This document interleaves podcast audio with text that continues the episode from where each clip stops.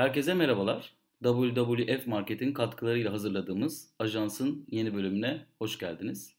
Bugün ben Utku Ögetürk. Her zaman olduğu gibi Esen Tan'la haftanın öne çıkan haberlerini e, sunmak için buluştuk. Esen nasılsın? Çok iyiyim, teşekkür ederim. Sen nasılsın? Teşekkür ederim, ben de iyiyim. Bugün iki tane haberimiz var. Bunlardan bir tanesi benim ikinci kimliğim olan sinema salonu meselesini yakinen ilgilendiriyor. Diğeri ise hepimizi yakinen ilgilendiren bir haber. Öncelikle sinema salonlarından başlayalım. Konuyu bilmeyenler için ben özetleyecek olursam, e, İçişleri Bakanlığı'nın bugün yaptığı açıklamaya göre sinema salonlarının açılış tarihi 1 Nisan 2021 tarihine uzatıldı. E, daha önceden Cumhurbaşkanı'nın yaptığı açıklamayla 1 Mart'ta açılacağı e, söylenmişti sinema salonları. Bugün yapılan yeni açıklamayla birlikte 1 Nisan'a uzatıldığı e, söyleniyor. Özellikle 1 Nisan tarihinin e, nin öneminden istiyorsanız bir ben bahsedeyim kısaca. Hani durumun neden 1 Nisan olarak belirlendiğini. E, tabii burada söyleyeceklerim biraz daha insight bilgiler değil, sinema yazarı olarak biraz daha duyduğum, ettiğim, bildiğim şeyler aslında. Yani bir sinema sahibi olarak gerçekten hiçbir şey bilmiyorum. Yani bize Beyoğlu sinemasına bugüne kadar hiçbir bilgi gelmedi. E, ya da hiçbir kararname ulaşmadı. Yani biz bugün gitsek sinema salonunu açsak e, bize deseler ki nasıl açtınız? Aa tweet mi atılmış ya bununla ilgili? Bizim haberimiz yoktu ki biz de 1 Mart'ta açılıyor sandık. Geldik açtık desek itiraz edebilen muhtemelen olamaz. Çünkü bugün Antrakt'ın yaptığı bir haber vardı 1 Nisan ertelendi diye. E, o tarihe baktığımda sonra biz İçişleri Bakanlığı'nın bir açıklamasını böyle bir aradık film lovers olarak. İlk başta internette bilgi bulamadık bile. Daha sonrasında ulaştık. Her neyse velhasıl çok fazla uzatmayayım. Zaten birkaç aydır e, özellikle sinemaksimumların yani AVM içerisindeki sinema salonlarının birçoğunun e, AVM'lerle kira ödememe konusunda 1 Nisan'a kadar anlaştığı konuşuluyordu. E, ve tabii ki sinema salonları açılınca çok büyük bir e, maddi yük e, demek oluyor. E, bu yüzden de 1 Nisan'a kadar zaten kira ödenmediği için e, özellikle sinema zincirlerinin e, hükümete 1 Nisan'a kadar açmanıza gerek yok diyerekten e, sinema salonları sahipleri birliği de gibi de bir topluluk var. Maalesef ondan da Beyoğlu sineması olarak çok bir haberimiz yok. Oranın da hükümetle yaptığı görüşmeler sonrasında biz zaten tarihin erteleneceğini bekliyorduk. Hatta ben şunu söyleyeyim. E, beklenen tarih 1 Mayıs. E, asıl sinema salonlarının açılmasının öngörüldüğü tarih 1 Mayıs olarak konuşuluyor. Yani 1 Nisan tarihinde açılması da ihtimal 1 Mayıs tarihine ertelenmesi de bir ihtimal. Ee, burada şu var aslında her yani bütün sektörün bu konuyla ilgili ne olacak acaba diye e, tam da konuyla ilgili bilgi bilmediği bir durum var. Yani bir türlü kimse aslında çok hakim değil bu konuya. Ee, örneğin bundan yaklaşık 15-20 gün önce bize e, Warner Bros'tan ve UIP'den mail geldi. E, ve bu maillerde e, sinema salonları için bu e, firmaların, bu dağıtımcıların ve ithalatçıların 10 Mart itibariyle vizyon takvimi yapmaya başladı ve sinema salonlarına da hani rezervasyon yapmak için bu filmlerimiz vizyona girecektir dediğini yakinen biliyorum. Ee, ya burada açıkçası iki tane konu var belki konuşabileceğimiz seninle. Birincisi e, sinema salonlarının açılmaması doğru karar mı? Bunu konuşabiliriz. Bence doğru karar. Yani şu anda evet e, hükümet bir şekilde miting yaptığı zaman ya da hükümet bir cenazeye katıldığı zaman sanki koronavirüs e, çoktan hayatımızdan çıkmış gibi davranabiliyor. Ama aslında bildiğimiz bir gerçek var ki şu an hala topluca bir yerlere girmek için çok da uygun ortam yok. O yüzden söz konusu sağlıkken sinema salonlarının peşine düşmemek gerekiyor. Asıl burada ikinci konu ve ikinci soru senin de aslında cevaplamanı rica edeceğim belki. E, sinema salonları desteksiz nasıl devam edebilecek? E, bu konuyla ilgili biliyorsun geçen günlerde bir şey yapıldı. 2021 yılı için yerli filmleri destekleme fonu açıklandı ve birçok sinema salonu aslında bundan yararlanıyor. Fakat ben daha önceden de çokça dile getirdiğim gibi yerli film destekleme fonu sinema salonlarına bir katkısı yok.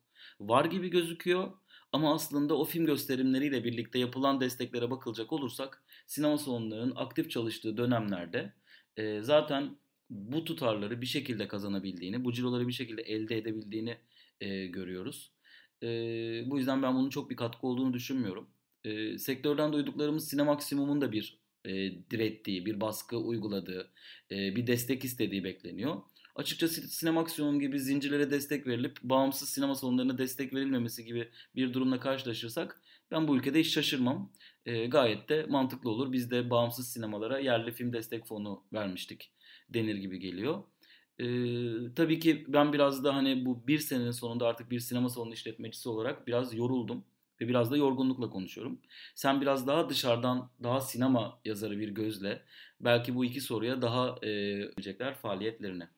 Ben ilk soruna çok kişisel bir yerden ancak cevap verebilirim. Yani gerçekten ne bilim insanıyım ne işte bu virüsün nasıl yayıldığına dair nasıl önlemler alınması gerektiğine dair bir şeyler duyuyoruz ama gerçek anlamda galiba o konuda bir şeyim yok. Yani o kadar beylik laflar edebilecek bir düzeyde olduğumu düşünmüyorum. O yüzden sadece kişisel olarak ben kendimi rahat hisseder miyim, hissetmez miyim diye düşünüyorum sadece.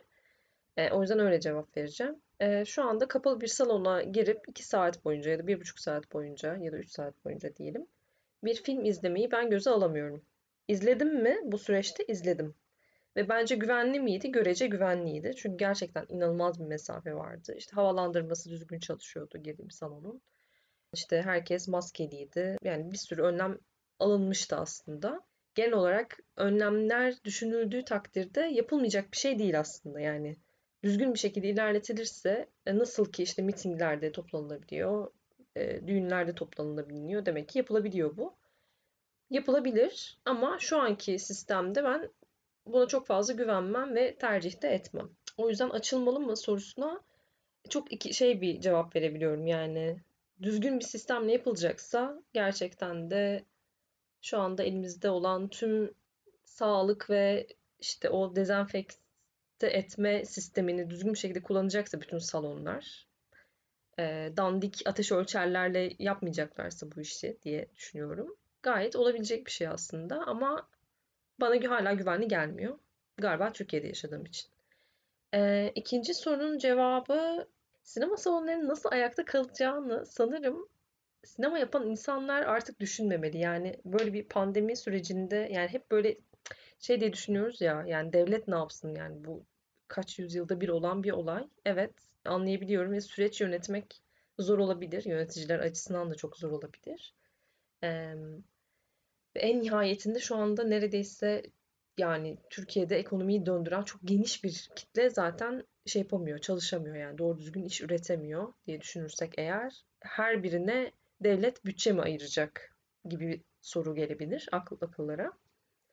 Öyle bir durumda bile galiba yine e, gereken destek yani işte bu en son şey vardı ya IBAN atma meselesi falan.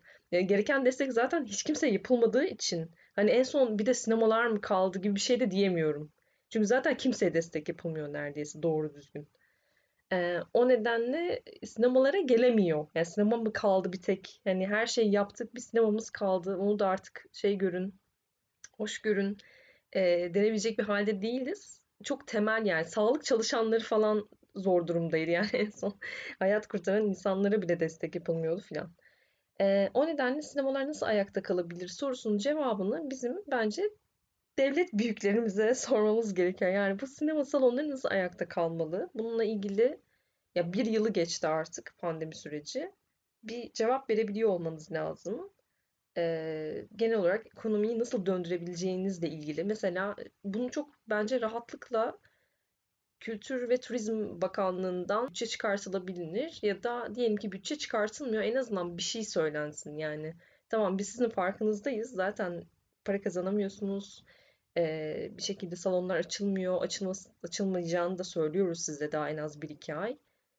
İşte böyle bir durumda şu şu şu modellere olanak verebilirsiniz ya da işte şöyle şöyle fonlar çıkartalım bunlara başvurun falan filan gibi bir şeyler yapılabilir. Bilmiyorum yani gerçekten de bunun cevabı sanırım bizim taraftan gelmesi de gerekmiyor diye düşünüyorum. Biraz da kızgın da olduğum için bu konuda yani kimse kendi görevini yapmadığı için e, hani bunu da biz düşüneceğiz ve bunu biz paket program olarak onlara sunacağız ve onlardan talep edeceğiz. Yani sürekli bir hak talep ediyoruz.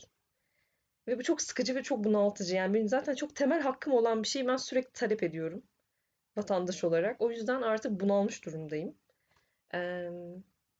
böyle düşünüyorum açıkçası. Yani bunu benim cevap vermemem gerektiğini, bunun devlet büyükleri tarafından zaten devlet büyüklerinin tırnak içinde söylüyorum.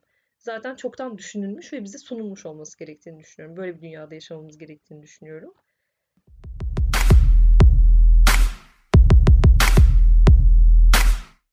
Gezegenimizin en acil krizleri arasında küresel iklim değişikliği ve doğal kaynakların sürdürülemez tüketimi yer alıyor. Bir doğal afet filminin içinde gibiyiz ve hemen harekete geçmezsek çok geç olacak. Peki ne giydiğini seçerek bir şeyleri değiştirebilir misin? Canlı türlerini ve onların yaşam alanlarını korumayı hedefleyen WWF'in lisanslı ürünlerini satan WWF Market, üretimin her aşamasında doğadan ve insandan taraf olmayı önceliği kabul ediyor. Tüketicileri de alışveriş yaparken gereksiz tüketimden kaçınmaya, çevre dostu tercihler yapmaya çağırıyor. Açıklamadaki linke tıklayarak tüm ürünlerini keşfedebilir, üretim süreçleri hakkında bilgi edinebilirsin.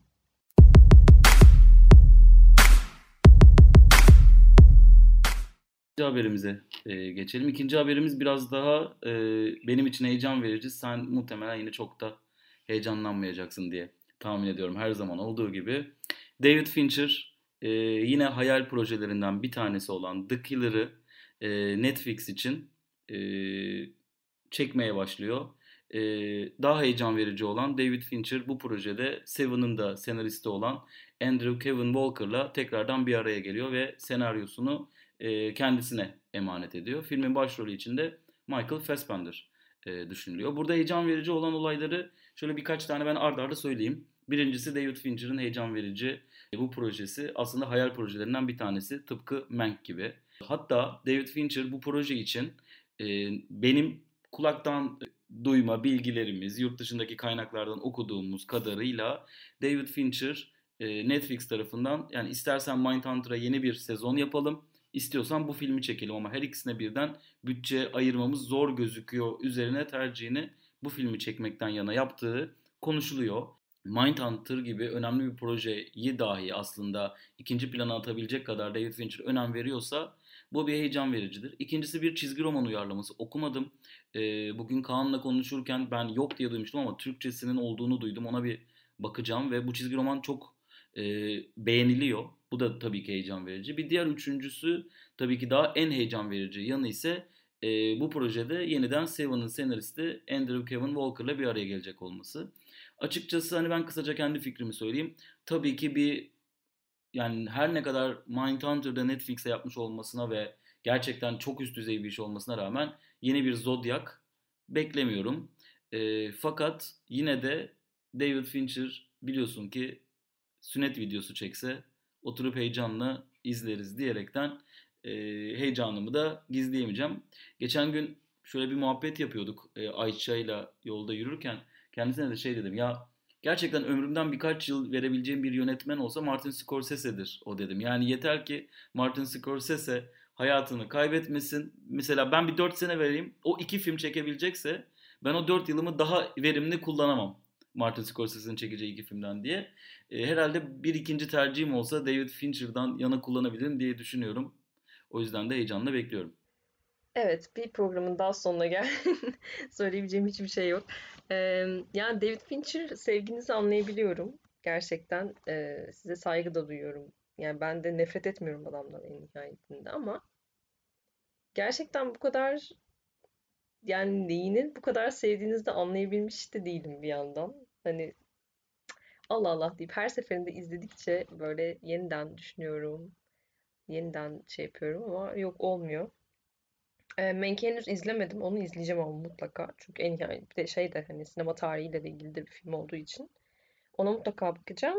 Fakat bu filmi izler miyim hiç bilmiyorum. E, çünkü yani niye bu kadar kendisinin de niye bu kadar heyecanlandığını anlamadım. Çünkü zaten sürekli çektiği türden bir film olacak ve zaten sürekli yaptığı oyunları oynayacak oyunlar oynamaktan kastım bunu olumlu bir yerden söylüyorum. Sinematik oyunlardan bahsediyorum. Ee, yine onları yapacağı bir şey yani. Daha özgün ne yapabilir ki bilmiyorum. Niye bu kadar heyecanlanıyor? Niye Mindhunter boş verin ya evet işte bu benim dream şeyim falan bu kadar abartılacak neyi var bilmiyorum. Çok yüksek bir adam sürekli inanılmaz enerjisi olan ve işte bir yılda bıraksan 10 tane film çekecek şeye sahip.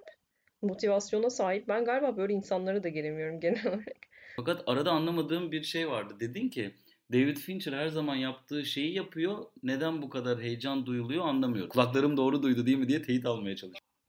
Kulaklarım doğru duydu. Kendisi niye heyecanlanıyor diyorum. Kendisi yaptığı şeye niye bu kadar heyecanlanıyor? E çünkü aslında bu türün en iyi yapan yönetmeni değil mi David Fincher? Yani bu daha ağır işleyen e, bir seri katilin e, işlediği cinayetleri değil de onun psikolojisini irdelemeye çalışan ve bunu yaptığı zaman gerçekten o mükemmelliyetçiliği tarafıyla bunu sonuna kadar irdeleyerek yapan başka bir yönetmen hani David Fincher kadar yok. O yüzden de mesela Mank gibi e, aslında böyle Hollywood'la yüzleştiği, Hollywood'un kendisiyle yüzleştirdiği bir filmden sonra yeniden kendi bildiği sulara e, dönmesi bana çok heyecan veriyor. Mesela hani kariyerinde hep bu var.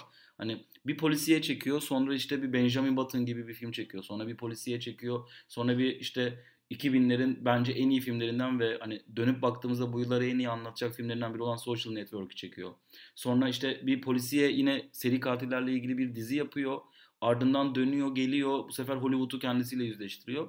O yüzden kariyerinde de ben bu sürekli olarak bir şekilde hani hem buradan uzaklaşıp hem de buraya dönmeleri bana çok heyecan verici geliyor. Şey söyleyeyim. Söylediklerine dediğim gibi ben saygı duyuyorum. En yani diyebileceğim hiçbir şey yok. Neden heyecan duyduğumuzu anlamamakla birlikte. Galiba orada şeyde ayrılıyoruz zaten.